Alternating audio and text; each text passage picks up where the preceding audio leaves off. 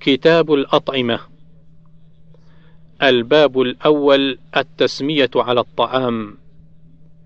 1296 عن حذيفة رضي الله عنه قال: كنا إذا حضرنا مع النبي صلى الله عليه وسلم طعاما لم نضع أيدينا حتى يبدأ رسول الله صلى الله عليه وسلم فيضع يده، وإنا حضرنا معه مرة طعاما فجاءت جارية كأنها تدفع فذهبت لتضع يدها في الطعام فأخذ رسول الله صلى الله عليه وسلم بيدها ثم جاء أعرابي كأنما يدفع فأخذ بيده فقال رسول الله صلى الله عليه وسلم إن الشيطان يستحل الطعام أن لا يذكر اسم الله عليه وإنه جاء بهذه الجارية ليستحل بها.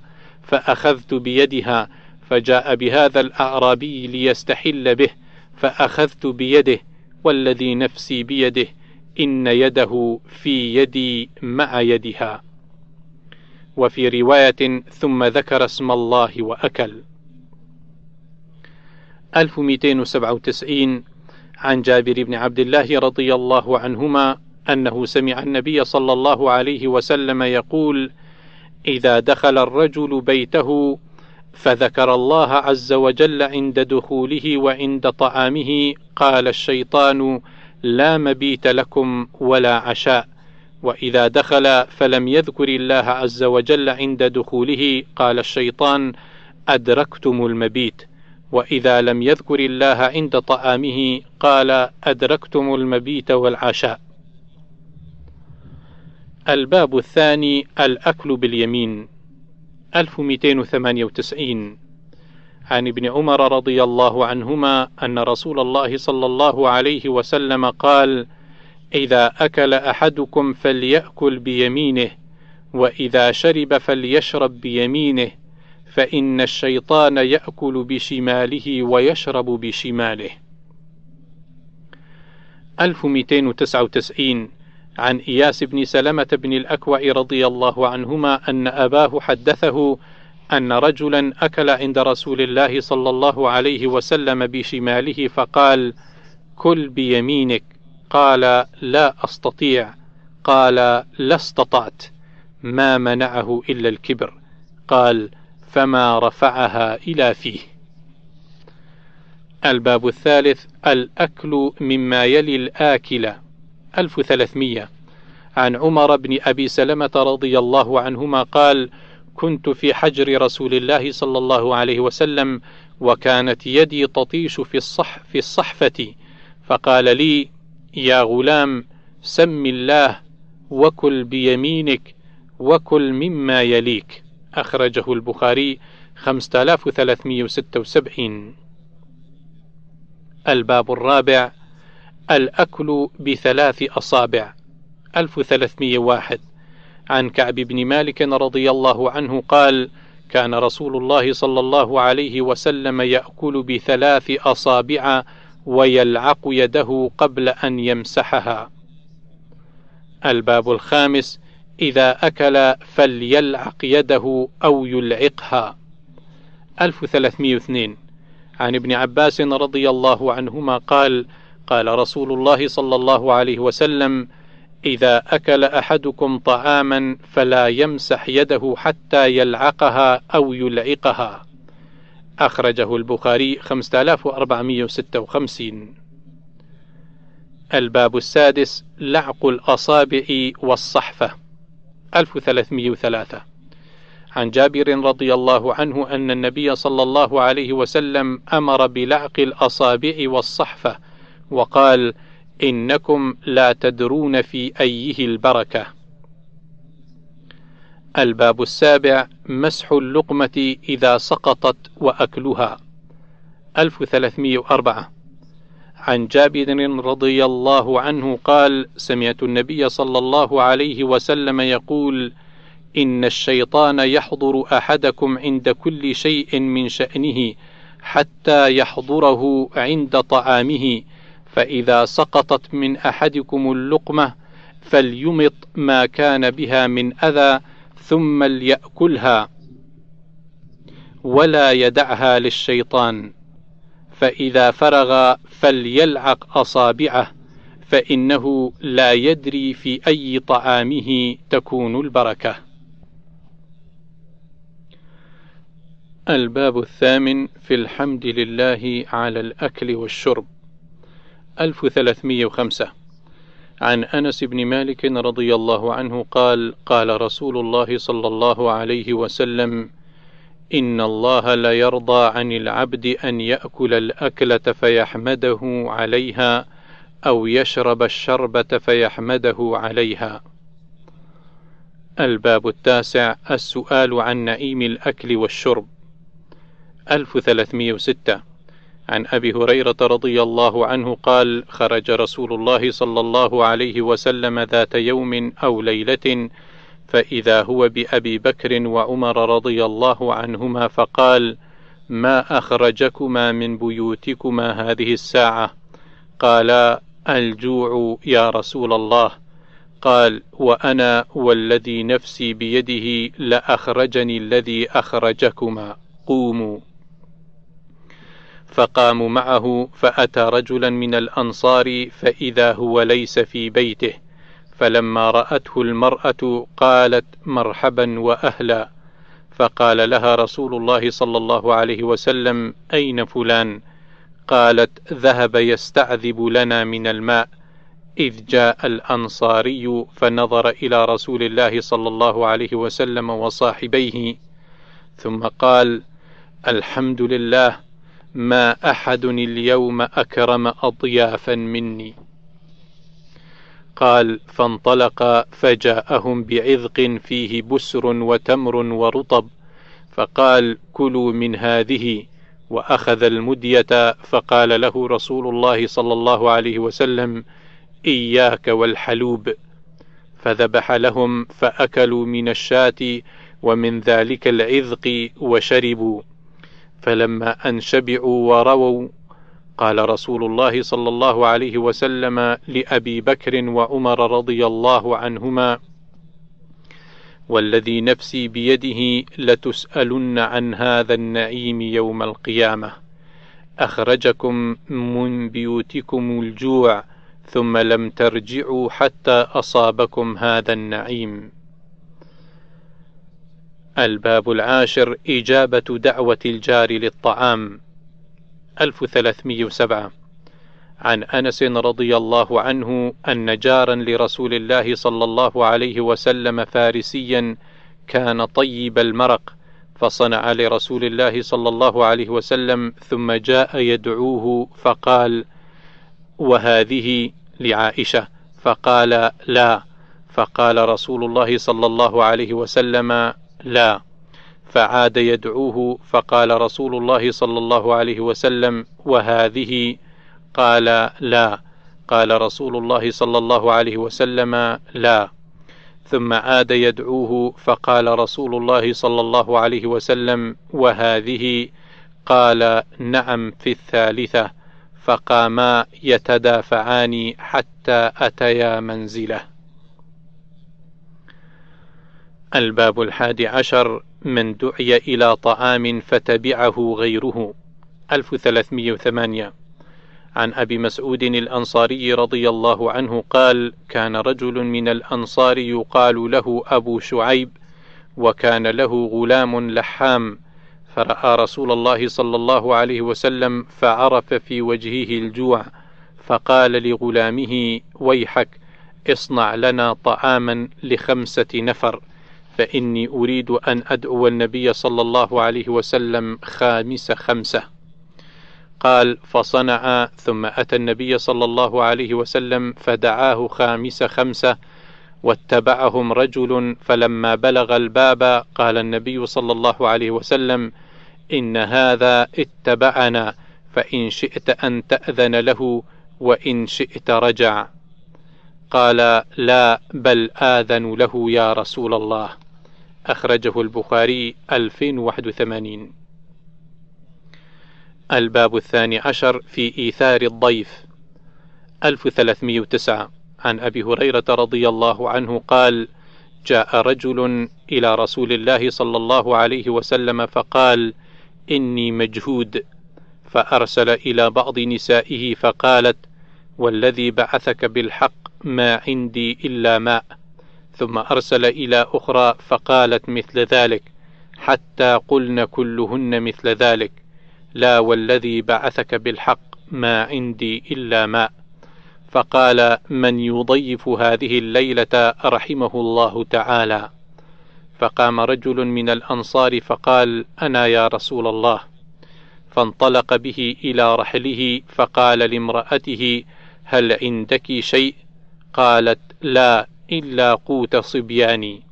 قال فعلليهم بشيء فإذا دخل ضيفنا فأطفئ السراج وأريه أنا نأكل فإذا أهوى ليأكل فقومي إلى السراج حتى تطفئيه.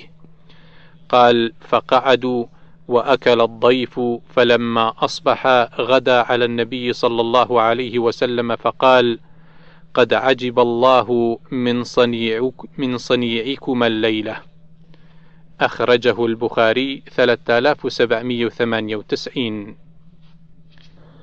الباب الثالث عشر طعام الاثنين كافي الثلاثة. 1310 عن أبي هريرة رضي الله عنه قال قال رسول الله صلى الله عليه وسلم طعام الاثنين كافي الثلاثة. وطعام الثلاثة كافي الأربعة. أخرجه البخاري 5392 1311 عن جابر بن عبد الله رضي الله عنهما قال سمعت رسول الله صلى الله عليه وسلم يقول طعام الواحد يكفي الاثنين وطعام الاثنين يكفي الأربعة وطعام الأربعة يكفي الثمانية. الباب الرابع عشر المؤمن يأكل في معا واحد والكافر يأكل في سبعة أمعاء 1312 عن جابر وابن عمر رضي الله عنهم أن رسول الله صلى الله عليه وسلم قال: المؤمن يأكل في معا واحد والكافر يأكل في سبعة أمعاء. أخرجه البخاري 5393 و 5394 و 5395 1313 عن أبي هريرة رضي الله عنه أن رسول الله صلى الله عليه وسلم ضافه ضيف وهو كافر فأمر له رسول الله صلى الله عليه وسلم بشاة فحلبت فشرب حلابها ثم أخرى فشربه ثم أخرى فشربه حتى شرب حلاب سبع شياه ثم إنه أصبح فأسلم فأمر له رسول الله صلى الله عليه وسلم بشاة فشرب حلابها ثم أمر بأخرى فلم يستتمها. فقال رسول الله صلى الله عليه وسلم المؤمن يشرب في معا واحد والكافر يشرب في سبعة أمعاء. أخرجه البخاري 5396 و 5397 الباب الخامس عشر في أكل الدباء 1314 عن أنس بن مالك رضي الله عنه قال دعا رسول الله صلى الله عليه وسلم رجل فانطلقت معه فجيء بمرقة فيها دباء فجعل رسول الله صلى الله عليه وسلم يأكل من ذلك الدباء ويعجبه. قال فلما رأيت ذلك جعلت ألقيه إليه ولا أطعمه. قال فقال أنس فما زلت بعد ذلك يعجبني الدباء. أخرجه البخاري 5439 الباب السادس عشر نعم الإدام الخل 1315 عن طلحة بن نافع أنه سمع جابر بن عبد الله رضي الله عنهما يقول: أخذ رسول الله صلى الله عليه وسلم بيدي ذات يوم إلى منزله فأخرج إليه فلقا من خبز فقال: ما من أدم؟ فقالوا: لا إلا شيء من خل. قال: فإن الخل نعم الأدم. قال جابر: فما زلت أحب الخل منذ سمعتها من نبي الله صلى الله عليه وسلم. وقال طلحة ما زلت أحب الخل منذ سمعتها من جابر الباب السابع عشر في أكل التمر وإلقاء النوى بين الإصبعين 1316 عن عبد الله بن بسر رضي الله عنهما قال نزل رسول الله صلى الله عليه وسلم على أبي قال فقربنا إليه طعاما ووطبة فأكل منها ثم أتي بتمر فكان يأكل ويلقي النوى بين إصبعيه ويجمع السبابة والوسطى. قال شعبة هو ظني وهو فيه إن شاء الله تعالى إلقاء النوى بين الإصبعين. ثم أتي بشراب فشربه ثم ناوله الذي عن يمينه قال فقال أبي وأخذ بلجام دابته ادعوا الله لنا. فقال اللهم بارك لهم فيما رزقتهم واغفر لهم وارحمهم. الباب الثامن عشر أكل التمر مقعيا. 1317 عن أنس بن مالك رضي الله عنه قال أتي رسول الله صلى الله عليه وسلم بتمر فجعل النبي صلى الله عليه وسلم يقسمه وهو محتفز يأكل منه أكلا ذريعا. وفي رواية رأيت النبي صلى الله عليه وسلم مقعيا يأكل تمرا. الباب التاسع عشر بيت لا تمر فيه جياع أهله. 1318 عن عائشة رضي الله عنها قالت قال رسول الله صلى الله عليه وسلم يا عائشة بيت لا تمر فيه جياع أهله. يا عائشة بيت لا تمر فيه جياع أهله أو جاع أهله. قالها مرتين أو ثلاثا الباب العشرون النهي عن القران في التمر 1319 عن جبلة بن سحيم قال كان ابن الزبير رضي الله عنهما يرزقنا التمر قال وقد كان أصاب الناس يومئذ جهد فكنا نأكل فيمر علينا ابن عمر ونحن نأكل فيقول لا تقارنوا فإن رسول الله صلى الله عليه وسلم نهى عن الإقران إلا أن يستأذن الرجل أخاه. قال شعبة لا أرى هذه الكلمة إلا من كلمة ابن عمر يعني الاستئذان. أخرجه البخاري 5446 الباب الحادي والعشرون أكل القثاء بالرطب. 1320 عن عبد الله بن جعفر رضي الله عنهما قال رأيت رسول الله صلى الله عليه وسلم يأكل القثاء بالرطب. أخرجه البخاري 5447 الباب الثاني والعشرون في الكباث الأسود. 1321 عن جابر بن عبد الله رضي الله عنهما قال كنا مع النبي صلى الله عليه وسلم بمر الظهران ونحن نجني الكباث فقال النبي صلى الله عليه وسلم عليكم بالأسود منه. قال فقلنا يا رسول الله كأنك رعيت الغنم. قال نعم وهل من نبي إلا وقد رعاها؟ أو نحو هذا من القول. أخرجه البخاري 5453 الباب الثالث والعشرون أكل الأرنب. 1322 عن أنس بن مالك رضي الله عنه قال مررنا فاستنفجنا أرنبا بمر الظهران فسعوا عليه فلغبوا. قال فسعيت حتى أدركتها فأتيت بها أبا طلحة فذبحها فبعث بوركها وفخذيها إلى رسول الله صلى الله عليه وسلم فأتيت بها رسول الله صلى الله عليه وسلم فقبله. أخرجه البخاري 2572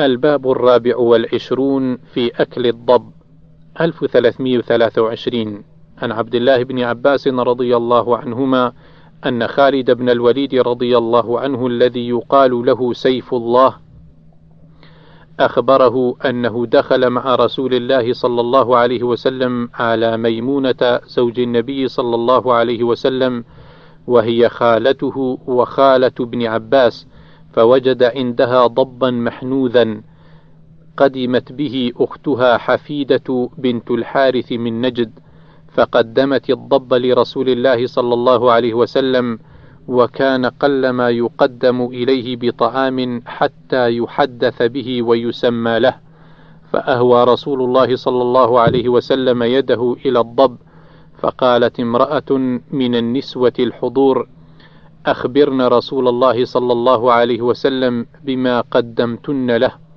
قلنا هو الضب يا رسول الله. فرفع رسول الله صلى الله عليه وسلم يده فقال خالد بن الوليد أحرام الضب يا رسول الله؟ قال لا ولكنه لم يكن بأرض قومي فأجدني أعافه. قال خالد فاجتررته فأكلته. ورسول الله صلى الله عليه وسلم ينظر فلم ينهني. أخرجه البخاري 5391 1324 عن أبي سعيد رضي الله عنه أن أعرابيا أتى رسول الله صلى الله عليه وسلم فقال إني في غائط مضبة. وإنه عامة طعام أهلي. قال فلم يجبه. فقلنا عاوده. فعاوده فلم يجبه ثلاثا. ثم ناداه رسول الله صلى الله عليه وسلم في الثالثة فقال يا أعرابي إن الله لعن أو غضب على سبط من بني إسرائيل فمسخهم دواب يدبون في الأرض فلا أدري لعل هذا منها فلست آكلها ولا أنهى عنها. الباب الخامس والعشرون أكل الجراد 1325 عن عبد الله بن أبي أوفى رضي الله عنهما قال غزونا مع رسول الله صلى الله عليه وسلم سبع غزوات نأكل الجراد. أخرجه البخاري 5495 الباب السادس والعشرون أكل دواب البحر وما ألقى. 1326 عن جابر رضي الله عنه قال بعثنا رسول الله صلى الله عليه وسلم وأمر علينا أبا عبيدة نتلقى إيرا لقريش وزودنا جرابا من تمر لم يجد لنا غيره. فكان أبو عبيدة يعطينا تمرة تمرة. قال فقلت كيف كنتم تصنعون بها؟ قال نمصها كما يمص الصبي ثم نشرب عليها من الماء فتكفينا يومنا إلى الليل. وكنا نضرب بعصينا الخبط ثم نبله بالماء فنأكله. قال وانطلقنا على ساحل البحر فرفع لنا على ساحل البحر كهيئة الكثيب الضخم فأتيناه فإذا هي دابة تدعى العنبر. قال قال أبو عبيدة ميتة. ثم قال لا بل نحن رسل رسول الله صلى الله عليه وسلم وفي سبيل الله وقد اضطررتم فكلوا. قال فأقمنا عليه شهرا ونحن ثلاثمائة. حتى سمنا. قال ولقد رأيتنا نغترف من وقب عينه بالقلال الدهن ونقتطع منه الفدر كالثور أو كقدر الثور فلقد أخذ منا أبو عبيدة ثلاثة عشر رجلا فأقعدهم في وقب عينه وأخذ ضلعا من أضلاعه فأقامها ثم رحل أعظم بعير أعظم بعير منا فمر من تحتها وتزودنا من لحمه وشائق.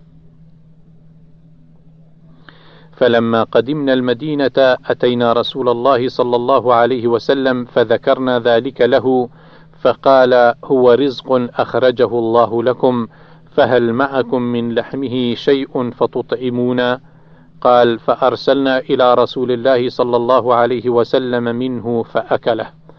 أخرجه البخاري 4360 و 4362 الباب السابع والعشرون في أكل لحوم الخيل 1327 عن جابر بن عبد الله رضي الله عنهما أن رسول الله صلى الله عليه وسلم نهى يوم خيبر عن لحوم الحمر الأهلية وأذن في لحوم الخيل. أخرجه البخاري 4219 1328 عن أسماء رضي الله عنها قالت نحرنا فرسا على عهد رسول الله صلى الله عليه وسلم فأكلناه. أخرجه البخاري 5519 الباب الثامن والعشرون النهي عن أكل لحوم الحمر الإنسية.